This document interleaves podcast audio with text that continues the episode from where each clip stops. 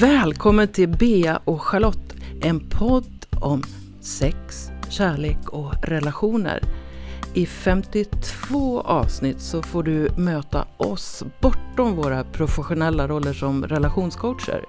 Vi öppnar dörren till våra liv och berättar om våra egna resor mot mer kärlek och större grundtrygghet. Hej Bea, nu ses vi igen! Ja herregud, jättefint! Ja, förra gången så pratade vi om svartsjuka och nu är det dags för känslor. Ja shit vad jag har tänkt på svartsjuka sen vi pratade om det. Verkligen eh, kommit, ja det är som att jag har sett mycket i, i livet och i relationer runt omkring mig. Så det var fint att få vända och vrida lite på det ämnet. Kom det upp några känslor då? Um, no, kanske mer minnen av maktlöshet i liksom osanningar i gamla relationer och hur tacksam jag faktiskt är att jag lever i en sån liksom, relation som har så klina spelregler idag och hur mycket det hjälper mig att vara trygg, jag som har en otrygg anknytning. Så mm. jag bara både minnen men också väldigt mycket tacksamhet. Mm. Men nu är det då dags att prata om känslor och det finns ju de som tycker att starka uttryck av känslor är lite opassande. Jag tycker mm, det svenska samhället är lite så här återhållsamt kring känslor. Det är sällan vi blir applåderade för starka känslor.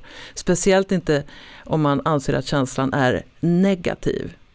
Och som jag, min grundsyn är att det finns varken negativa känslor eller positiva känslor. Det är känslor, sen kan de kännas på olika sätt. Då. Men jag tycker det är lite dumt att säga att ilska är en negativ känsla. Det kan vara en frigörande känsla som jag ser det.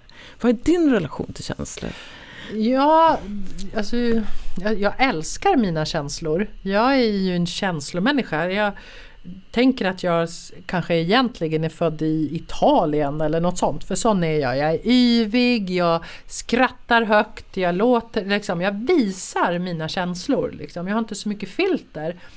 Och jag tycker att det jag mött i vårat liksom jantesamhälle det är också att min lekfullhet och mitt bullriga höga skratt är också fel. För det är liksom så här mellanmjölkslandet. Men, men om jag ska komma tillbaka till vad jag har för relation till mina känslor så är mina känslor idag min vägvisare. Det, mina känslor kommer med information om hur jag mår och hur jag har det och vad jag har för behov och så vidare. Så att jag lyssnar väldigt noga på mina känslor idag. Utan att kanske, som jag gjorde förr i tiden, sveptes med och trodde på mina känslor. Så här, åh, mer dramatisk. Idag är jag kanske lite mer grundad. Det där tycker jag är en så viktig aspekt. Jag, jag ska återkomma till det alldeles strax, men jag hade en ganska lång period där jag stängde av mina känslor. Och det, jag visste inte när jag var arg eller när jag var ledsen eller när jag var glad för att jag hade människor omkring mig som sa de där känslorna är fel eller började analysera. Om jag sa att jag var ledsen så började de analysera mina känslor och kom fram till att det fanns ju ingenting som jag skulle kunna vara ledsen eller arg över. Och då, då var det som att jag slutade tro på dem själv. Och till slut så var det så här som att om jag tyckte att du hade gjort någonting fantastiskt så, och så frågade du Charlotte vad tycker du om det här? Då kunde jag svara det var helt okej. Okay. Och då tänker ju du såklart, men vad då hon gillar inte det jag gör överhuvudtaget. Och för mig betyder det helt okej. Okay. Jippi, fantastiskt! Så jag blev ju missförstådd något fruktansvärt när jag höll tillbaks eh, känslorna och inte kände dem.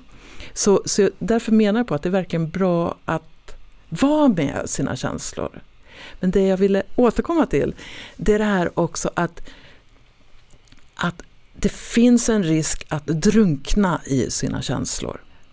Ja precis, det finns ju en bok som heter Drunkna inte dina känslor. Ja, ja. Och, och som jag ser det så, så man kan bli helt överväldigad utav en stark känsla. Men idag har jag förmågan att känna känslan och samtidigt betrakta mig själv lite från sidan. Så att jag inte drunknar i den. De får, de får flöda runt i min, mitt, mitt kropp men jag har liksom huvudet kvar ändå så jag kan någonstans hålla mig lugn i det. För ibland när man blir väldigt så här känsloladdad så kan man ibland göra saker man ångrar. Mm. Men jag, har ju, jag har ju verkligen tampats med olika beroenden i mitt liv. Jag har bland annat varit beroende av nikotin i stora delar eh, av livet. Nu är jag tack och lov inte det. Men det var ju min snuttefilt att när jag blev arg, att bli arg var lika med att gå ut och ta en cigarett. Vilket innebar att jag fick ju aldrig riktigt vara arg. Jag förtryckte ju mina känslor och så har jag ju ätit på känslor. Både, både glädje och sorg och ilska har jag ätit på. Liksom, för att någonstans här döva hela mig. Liksom. Och när jag slutade röka, ungefär i samband med att vi träffades för 12 år sedan, då började jag ju känna, för jag var ju så avskuren från min kropp. Och det där var så läskigt för mig för det var ju så starka känslor och känslan är ju som en våg. Den kommer och sen eskalerar den och jag vågade aldrig gå upp till toppen av vågen utan jag bröt av den med en macka, kaka, chips, cigg, whatever jag kunde bryta av. Så jag fick aldrig vara med om och lära mig att den ebbar ju faktiskt ut någonstans. Där liksom när den har hittat sin brytpunkt och nu är det en sån gåva. Att komma i kontakt med kroppen och det har jag gjort med andning och dans och yoga och slutat proppa i mig själv massa skit. Liksom. Och helt plötsligt så kan jag precis som du säger vara med känslan och observera vågen. Så här, nu är jag här, vad behöver jag för någonting? Oh, jag behöver prata med en kompis. Jag kommer att tänka på det här med beroende. Säg att, att man får idén att jag ska sluta röka. Och då kommer det ju ett röksug. Och anledningen till att folk tar en cigg, det är ju för att de känner det här suget, för att de vill inte känna obehaget. Det är en obehaglig känsla att ha ett sug efter något, vad det än är. Men då visar många undersökningar att om man kan stå ut i 90 sekunder med den här obehagliga känslan så kommer den att klinga av. Då finns det de som säger så här, ja men om du slutar röka, ta ett godis då. För då, då ersätter du något med någonting annat. Men det var det någon som sa till mig så här, och det här har jag testat många gånger. Jag börjar känna en craving för någonting, en längtan efter någonting. Eller eh, det kan till och med vara så här, jag måste säga någonting, jag sprängs annars. Eh. Och så är jag med den känslan. Jag är röksugen, jag är sugen på att prata, jag vill verkligen göra det, vad det än är. Och så låter den vara. Och sen, jag får ett adrenalinpåslag. Men sen börjar det klinga av.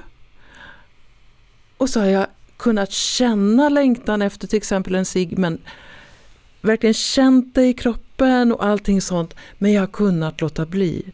Och då blir ofta följden att då dröjer det längre till nästa craving kommer.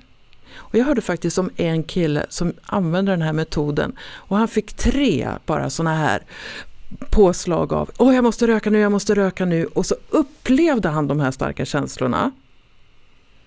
Då försvann röksugen. Mm. Jag känner igen det där jättemycket med, med alla mina cravings. Att, att våga stå kvar i vågen och surfa på den och bara vara där och säga du, vi kommer faktiskt inte att dö.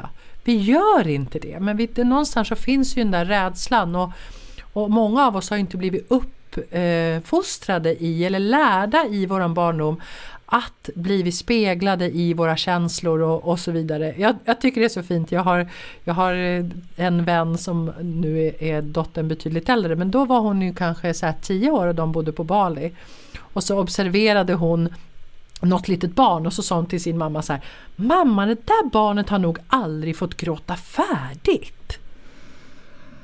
För att det var verkligen det hon fick göra. Att hon blev bara hållen och fick gråta färdigt och vara i den här vågen. Och när vi inte visar våra barn det utan vi så här stoppar i en napp eh, sätter på tvn, ger dem godis eller vad som än så, så lär vi ju dem att det är det vi gör. Det är så man behandlar känslor som bär vi oss med oss det i hela vårt vuxna liv. Och så håller vi på liksom med massa stärbbeteenden. Småshoppar, små äter, liksom relationer, det e, ena och andra och tillsammans så blir det ett liksom jätteberoende egentligen när vi lägger ihop det. Det var ju så jag upptäckte mitt var och en för sig är väl kanske inte så farligt. Men när det är tillsammans då bara oj oj oj. Alltså, jag behövde ju gå liksom i en känsloskola kan man säga då när jag hade stängt av mina känslor. Och ungefär i den vevan, det ungefär 25 år sedan, så kom Daniel Golemans bok Känslans intelligens. Och den var en sån här ögonöppnare för mig. Och där säger han bland annat ungefär så här att alla känslor är okej, okay, men inte alla uttryck för alla känslor. Och då började jag träna med mitt yngsta barn, att hon kom och så var hon ledsen och då fick hon sitta i min famn. Jag ställde ingen fråga, hon fick gråta färdigt. Och sen fråga, ställa, eh, vad är det för någonting? Nej, det var inget viktigt. Typ. Mm. Alltså, det räckte med att få sitta i famnen. Så det, och sen så hade jag tonårsbarn och så kunde de eh, säga jävla morsa. Och då sa jag så här, jag hör att du är arg, du kallar mig, du svär inte åt mig och du använder inte ordet morsa heller. Så man kan sätta liksom en gräns mot beteendet men acceptera att känslan är där. Det, det var så viktiga upptäckter för mig. Mm. Kan du känna igen det där? Men gud, jag är ju också mamma. Han är ju 26 år idag och det här var ju jag jag hade så otroligt, eh, jag hade haft jättemycket rädsla för ilska. Och hade själv inte kontakt med min egen ilska. Och att då när han var liksom tonåring och så, han har ju varit helt fantastisk. Men när han blev arg så blev jag rädd för hans ilska. Så, så då kunde jag säga till honom så här, nej! Vi är inte arga i den här familjen. Och det var ju helt fruktansvärt. Så när jag fick spegling av det här av någon manlig vän som jag hade vad jag höll på med så, var, så gick jag tillbaka till honom och sa så här. Jag är så ledsen för att jag har sagt det här till dig. Hur kan jag, hur kan jag ställa det här till rätta? Och jag tror att jag betalade någon sån här martial art kurs till honom och så för att han skulle få vara med sin egen kraft. För ilskan är ju en kraft. Men precis som du säger att vi behöver använda den konstruktivt och inte hota eller trycka ner eller liksom lash out, nu kommer jag inte på något bättre svenskt ord, eh, mot andra. Att använda det som liksom en makt då. Utan men att få faktiskt vara med sin egen ilska. Och då behöver du ju våga vara med din egen ilska för att våga vara med andra personers ilska. Men jag hade ju ingen kontakt med min kropp. Så jag var ju bara passivt aggressiv hela tiden. Och blev lite så här bitchig. Men jag sa aldrig, liksom, jag visade inte min ilska. Och då fick ju inte han heller göra det. Liksom något som jag upptäckte som mamma, det är ju att, alltså när barnen växer upp, det är ju att det är ju lätt som förälder att bli triggad av sina barn. Och jag kunde se att när jag, barnen gjorde någonting som gjorde att jag blev rädd, till exempel på väg att springa över gatan eller någonting sånt där. Då kunde jag skrika åt dem, alltså onödigt högt.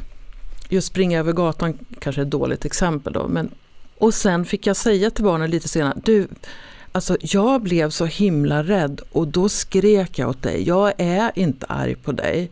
Förlåt mig för att jag gjorde det här. Så, så att jag ville förklara var känslan kom ifrån. För jag kommer ihåg att när jag var barn så kunde det dyka upp starka känslor, ofta ilska då, som jag inte förstod. Varför är de arg på mig nu? Så det tycker jag också är fint om man kan prata om det som händer i en. Det blir början på att hantera eh, känslor mm. också. Men jag tänkte att du kunde säga någonting mer om det här som du sa i början att idag kan du ha känslor lite som en barometer. Att, att de guidar dig lite grann mm. om Ja men precis, jag har ju under många år haft en, en mentor i LA, hon är över 80 år och en extremt klok kvinna. Och hon har ju lärt mig att bli känsloklok. Och hon sa någon gång till mig sådär Emotions are, are motions with information. And, and in, in, the, in the top of the emotion there is a diamond. Reach for that diamond because there is a gift for you. Jaha, och det här var liksom så svårt för mig att fatta. Men sen när jag vågade då sitta och rida ut den här känslan utan att bedöva mig själv eller utan att liksom gå in i något bråk eller drama så som jag kunde göra förut då såg ju jag att det fanns ofta en information om hur jag skulle kunna ta hand om mig själv mer. Det kanske var en gräns jag behövde sätta. Det kanske bara var så att jag har sovit för lite. Det var kanske en relation som jag behövde liksom ta tag i eller så. Och det där såg jag aldrig för att jag klippte av det där och så tyckte jag att det var alla andras fel att jag var arg. Och idag så ser jag om jag känner mig irriterad eh, på en person så, så vet jag idag att det bara är ett behov eller en gräns som jag inte har uttryckt. Jag har, jag har inte varit tydlig i den här eh, relationen. Så därför använder jag irritation istället för tydlighet. Vi ska snart runda av men en sak som jag tycker är viktig att säga när vi pratar om känslor det är att vi är inte våra känslor. Och att vi kan faktiskt titta på dem och förhålla oss eh, till dem. Och vi kan också i vissa lägen byta känsla. Mm. Alltså bara ta det här jag har varit med om flera gånger att ha sura barn runt bordet och då blir det ofta som att alla blir sura för att en sitter och surar. Och ibland har jag bestämt mig för varför ska den som är sur få bestämma stämningen här runt bordet?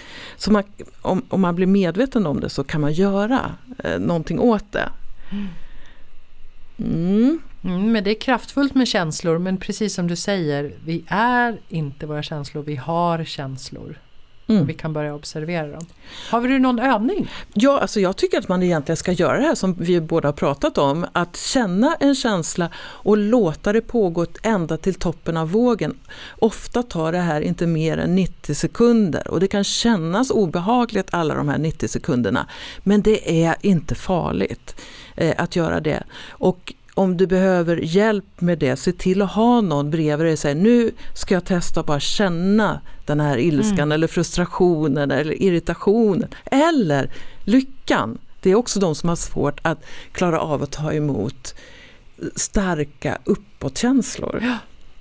Rid ut vågen den här veckan och be om hjälp ja. om du behöver det. Och då är vi faktiskt ganska nära det som vi ska prata om nästa vecka och det är något så grundläggande som behov. Vi ses då! Du har lyssnat på Bea och Charlotte. Nästa vecka väntar ett nytt spännande avsnitt. Och se till att prenumerera på podden så kan du höra alla 52 avsnitten. Och Bea hittar du på trainingforlove.com och Charlotte på charlottekronqvist.org.